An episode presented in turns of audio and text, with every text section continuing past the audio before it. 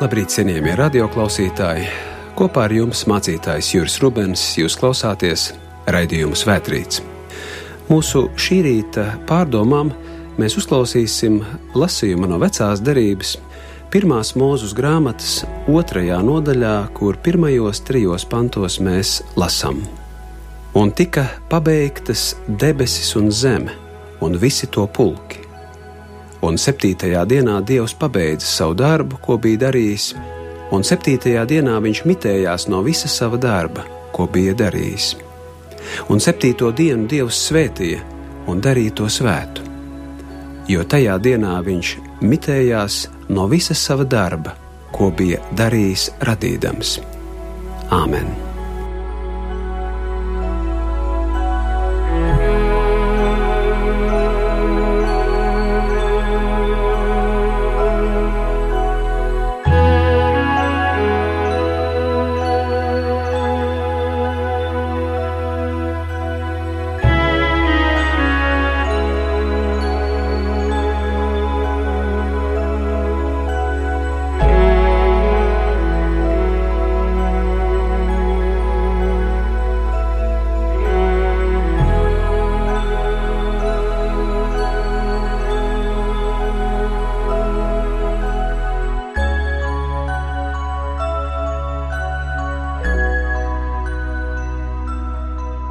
Mēs esam aicināti apstāties pie vienas no lielajām svēto rakstu tēmām - klusuma.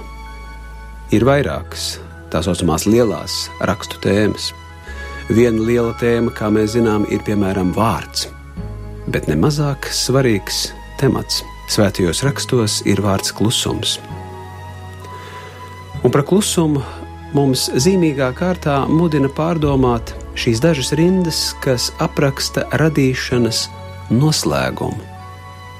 Šo patiesībā vārdos neizsakāmo, sarežģīto, daudznozīmīgo procesu, kura laikā Dievs rada esību, noslēdz septītā diena vai septītais periods, kurā Dievs nedara neko, bet ir kluss un vērojošs, iepratīs sevis radītajai pasaulē.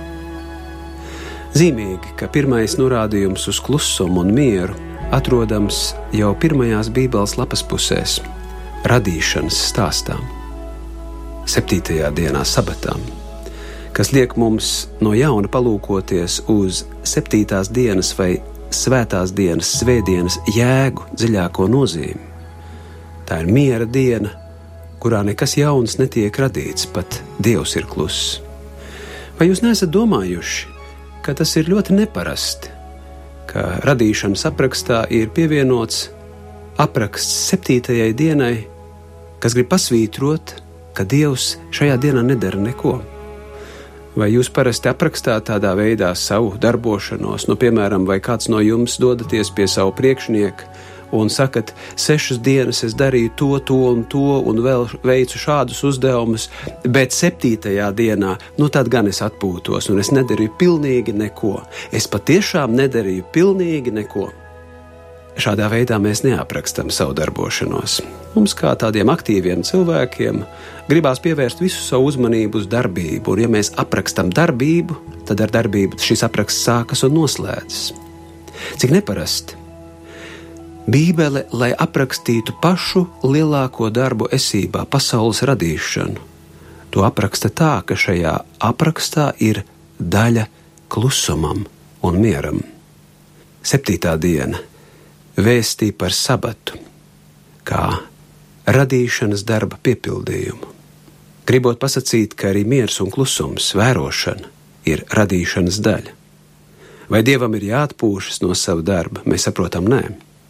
Septītā diena nav atpūta no radīšanas, bet atpūta radīšanā. Viss ir šeit, viss ir labs, nekam vairs nav jātiek pievienotam. Un ziniet, ko tas nozīmē? Dievs pats ir klusums. Jā, jā, Dievs šajā radītajā pasaulē ir reprezentēts kā klusums. Viņš vienmēr tur paliks kā klusējošs, klātesošs, mīlošs spēks. Un tādēļ no cilvēka tiek prasīts, sešas dienas dari darbus, bet septītajā dienā ir sabats, kad jāatpūšas, tas ir svēts kungam.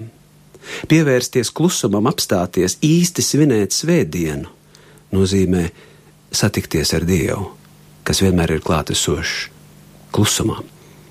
Mūsu dzīvē ir ļoti liela nozīme aktivitātei, bet tikpat liela nozīme vērībai. Ir ļoti svarīgi, ka mēs sakam vārdus, bet vēl svarīgāk, lai vārdi varētu zimt no piepildīta klusuma. Zīmīgi, vai ne, ka klusums ir radīšanas, darbošanās daļa. Ka šo darbību, visu, ko mēs darām šajā pasaulē, nav iespējams saprast bez klusuma, neapstājoties un neieskatoties tajā, kas ir noticis. Zīmīgi ir tas, ka svētā diena ļoti pasvītrotā veidā ir nekā nedarīšanas diena. Tātad tas ir ielikts mūsu radīšanā, ka dzīvot nozīmē nemitīgi atrast laiku klusumam un mieram, kurā mēs patiešām beidzam rosīties, darīt to, ko mēs visu laiku darām. Un jūs jau zināt, darbošanās formas var būt dažādas. Cilvēki parasti sešas dienas dara vienas lietas, nu, septītajā dienā viņi dara atkal citas lietas, bet tās ir par apstāšanos, par kaut kā cita darīšanu, par vērošanu, par mācīšanos no tā principa, ko mums rāda Dievs. Septītajā dienā viņš ir klātesošs, viņš vēro, viņš klusē un ir uzmanīgs. Šis klusums ir daļa no stāsta par to, kā tika radītas debesis un zeme. Bet, ja mēs palūkojamies citos Bībeles tekstos, mēs redzam, kā šī klusuma līnija, lielā tēma, iet cauri visai Bībelei. Mēs redzam, ka klusums ļoti bieži ir kā dieva pieredzes vai satikšanas vieta. Mēs cilvēki nemitīgi esam ceļā pie šī klusuma. Tas pieder pie mūsu cilvēciskās esības, ka tas, kas jau šeit ir, soli pa solim jāīsteno ikdienā. Dažādos Bībeles tekstos ir sacīts, ka viena pati paļāvības pilna vingrināšanās klusumā, kas vērst uz Dievu. Vērīgs klusums jau dāvā Dieva atziņu un dziedināšanu. Piemēram, psalmos mēs lasām: Esi kluss kunga priekšā un gaidi uz viņu. Tiešām mana dvēsele ir klusa savā svētcerē uz Dievu no viņa nāk mana palīdzība. Tiešām esi klusa mana dvēsele, vērsdamās uz Dievu, jo no viņa nāk mana cerība.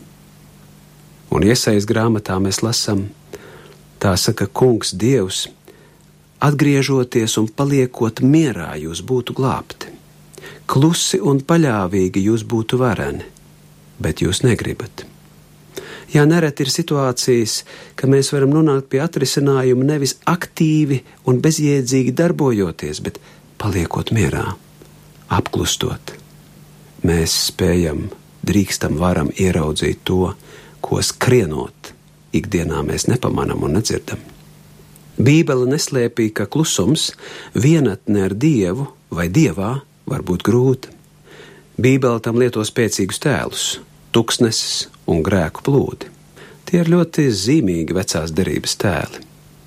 Grēku plūdi ilgs 40 dienas un 40 naktis, un pār zemi valda nāves klusums, jo dzīvība ir koncentrēta niecīgā ūdeņos peldošā šķirstā. Interesantais un jāsaka, neparastais ir tas, ka šajā stāstā Dievs ir tas, kurš atgriežas, un zvēr, ka viņš ko tādu vairs neatkārtos. Vai ar to mums ir pasakīta tāda neparasta lieta, ka klusums maina dievu un cilvēkus? Jeb, varbūt precīzāk, klusums maina cilvēku izpratni par dievu. Nereti sarežģītās situācijās, kurās mēs jūtamies kā grēku plūdos, mums liekas, ka Dievs ir pavērsies pret mums un Dievs mūs grib sagraut un iznīcināt. Un ir jāpavada dažkārt kāds brīdis klusumā, lai mēs mācītos saprast, ka Dievs ir savādāks. Ar varavīksni Dievs iedibina zīmi, ka Viņš galīgi un neatceļami sevi apliecina kā dzīvības Dievu. Neredz cauri klusumam mums ir jānonāk pie dziļākas izpratnes par Dievu, par Dievu, kas vienmēr ir klātesošs ar savu mīlestību un palīdzību, arī tad, kad šķiet, ka visi ārējie apstākļi mūs grib sagraut. Turpat vecajā derībā mēs lasām, ka Izraēla tauta 40 gadus pavada tuksnesī, ļoti pakāpeniski pārvarot pārpratumus un kārdinājumus, augot pretī jaunai identitātei. Tas ir tāds kolektīvs izaugsmes process, kura laikā izgaismojas visas iespējamās ēnas un kurām jākļūst apstrādātām. Šīs problēmas un ēnas nāk gaismā ceļojuma laikā cauri tuksnesim. Ja jūs lasat otro mūzu grāmatu, jūs zinat, cik grūti ir šiem cilvēkiem, kuri patiesībā taču tiek vesti no verdzības pretī brīvībai, bet cik bieži tie saceļas, cik bieži tie grib iet atpakaļ, cik bieži tieši klusumā nāk virspusē visas tās apslēptās, notušētās, neatrisinātās, mūsos dziļi nestās problēmas, kurām ir jātiek apzinātām, jātiek atrisinātām, jātiek paceltām dzīves virspusē, lai tu tās ieraudzītu. Tuksnesis klusums, tāpēc ir grūts, bet vienīgi tas ļauj tev sastapties ar visu to, kas patiešām veido tavu dzīvi, ar to, kas esi tu pats. Bet klusums ir arī vieta, kurā var tikt padziļinātas attiecības ar Dievu. Jo lūkšana nozīmē ne tikai runāt ar Dievu, bet iejaukt attiecībās ar Dievu ko kristīgie mistiķi ir apzīmējuši ar skaistu vārdu - nepārtrauktas mīlestības attiecības. Mēs lasām, ka Jēzus bieži dodas savrup, lai lūgtu. Mārka evanģēlijā mēs lasām, un rīt agrumā, kad vēl bija tumšs, viņš izgāja laukā un nogāja kādā vientuļā vietā, lūdza Dievu. Kādā veidā viņš lūdza, mēs nezinām. Taču varam noprast, ka viņa lūgšanas forma apkārtējiem nebija saprotama vai parasta. Nevelti viņa mācekļi kādā brīdī Jēzu lūdz, lai viņš tiem mācītu lūgt, viņiem saprotamā veidā.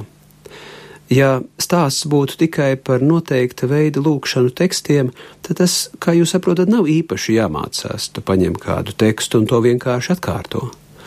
Zīmīgi pārdomāt, kāpēc Jēzus mācekļi nāk pie Jēzus un lūdz, lai viņš tiem mācītu lūgt. Jūs zināt, ka Jēzus tiem māca mūsu tēvs lūgšanu. Tā ir patiesībā īsākā un lakoniskākā lūkšana, kura satur sevī vislielākos dziļumus. Un tomēr svarīgi ir izlasīt Mateja sastās nodaļas rindas, Jēzus paskaidrojumu, bet, kad tu lūdz, tad ieej savā kambarī un durvis aizslēdz, lūdz savu tēvu apslēptībā un tavs tēvs, kas redz apslēptībā, tevi atalgos. Zīmīgi, ka te ir norādījums par lūkšanas vietu, kur neviens nevarētu pamanīt, ka tiek lūgts. Un ne tāpēc, ka šeit būtu aicinājums uz norobežošanos, bet norādījums uz to, ka lūkšana ir kaut kas ļoti iekšējs, kas prasa pilnu uzmanību, pilnu klātbūtni. Tas, ka Jēzus lūgšanu neierobežo tikai mūsu tēvs tekstā, bet norāda arī klusuma virzienā, kļūst īpaši skaidrs ģedzemanas naktī. Kā jūs zinat, tā ir dramatiska nakts, īsi pirms Jēzus nodevības, īsi pirms viņa apcietināšanas, kad cilvēki, kas vēlas viņu apcietināt, jau ir devušies ceļā, un Jēzus zina, ka priekšā stāv neaptveramas, necilvēciskas mokas. Viņš ņems dažus no saviem mācekļiem naktī uz ģedzemanas dārzu, un viņš saka saviem pavadoņiem, ieklausieties satricinošus vārdus. Ko tad viņš sagaida no viņiem? Viņš saka, palieciet šeit un esiet ar mani nomodām. Vai tas nav kaut kas ļoti būtisks, kas ir sacīts par lūkšanu? Paliec šeit un esi ar mani nomodām. Esiet klātesoši, pilnīgi nomodām, pilnīgi šeit, pilnīgi dievā, pilnīgi pie manis un pilnīgi pie sevis. Šis nomods ir vairāk kā vienkārši negulēšana. Tas ir nomods, kas pieļauj sāpes, kuras sev līdzi nes dzīves ceļš. Tas ir nomods, kas sevi iekļauj visu pasauli. Tas ir nomods, kas sevi iekļauj attiecības ar Dievu kā mūsu esības pamatu. Nomods, kurā kļūst iespējams sacīt, ne mana griba, bet tava griba, lai notiek. Tas ir nomods, kurā mēs mācāmies kļūt pilnīgi viens ar Dievu. Viena no lielajām rakstu tēmām - klusums. Un pirms mēs dodamies pie vārda, nekad, nekad nevajadzētu aizmirst šo nozīmīgo tēmu, ar ko sākas Bībele - klusums un vērība. Āmen!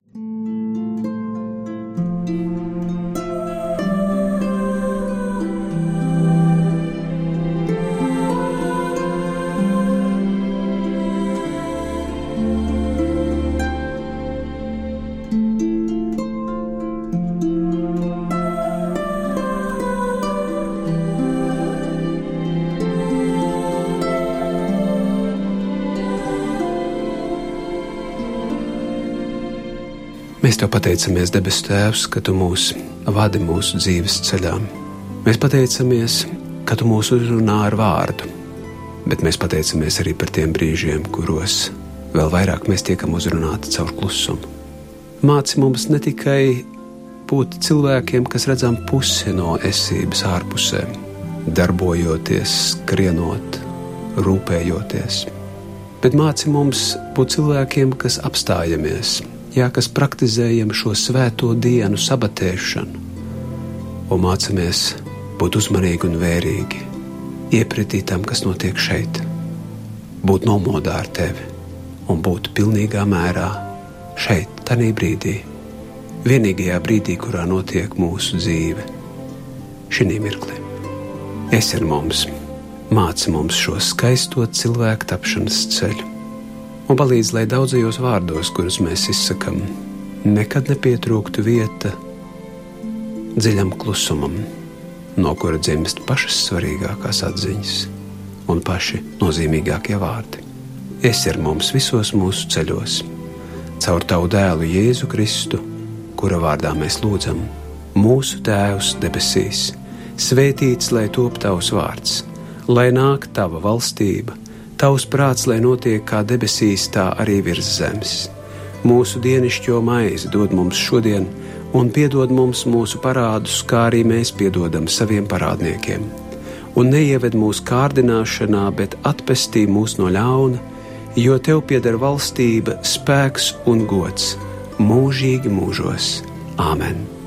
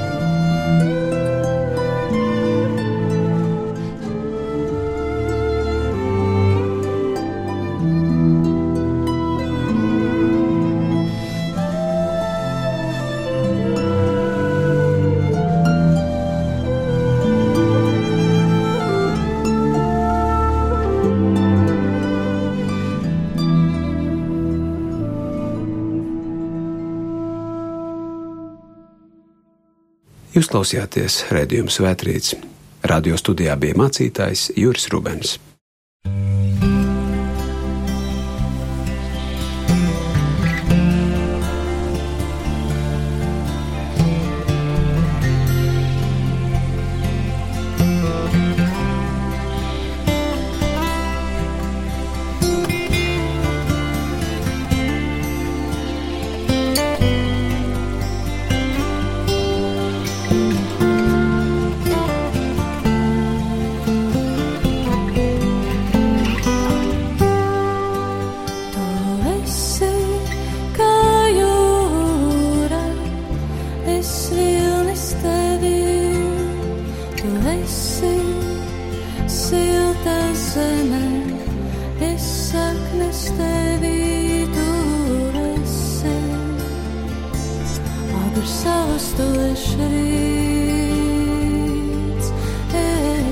Es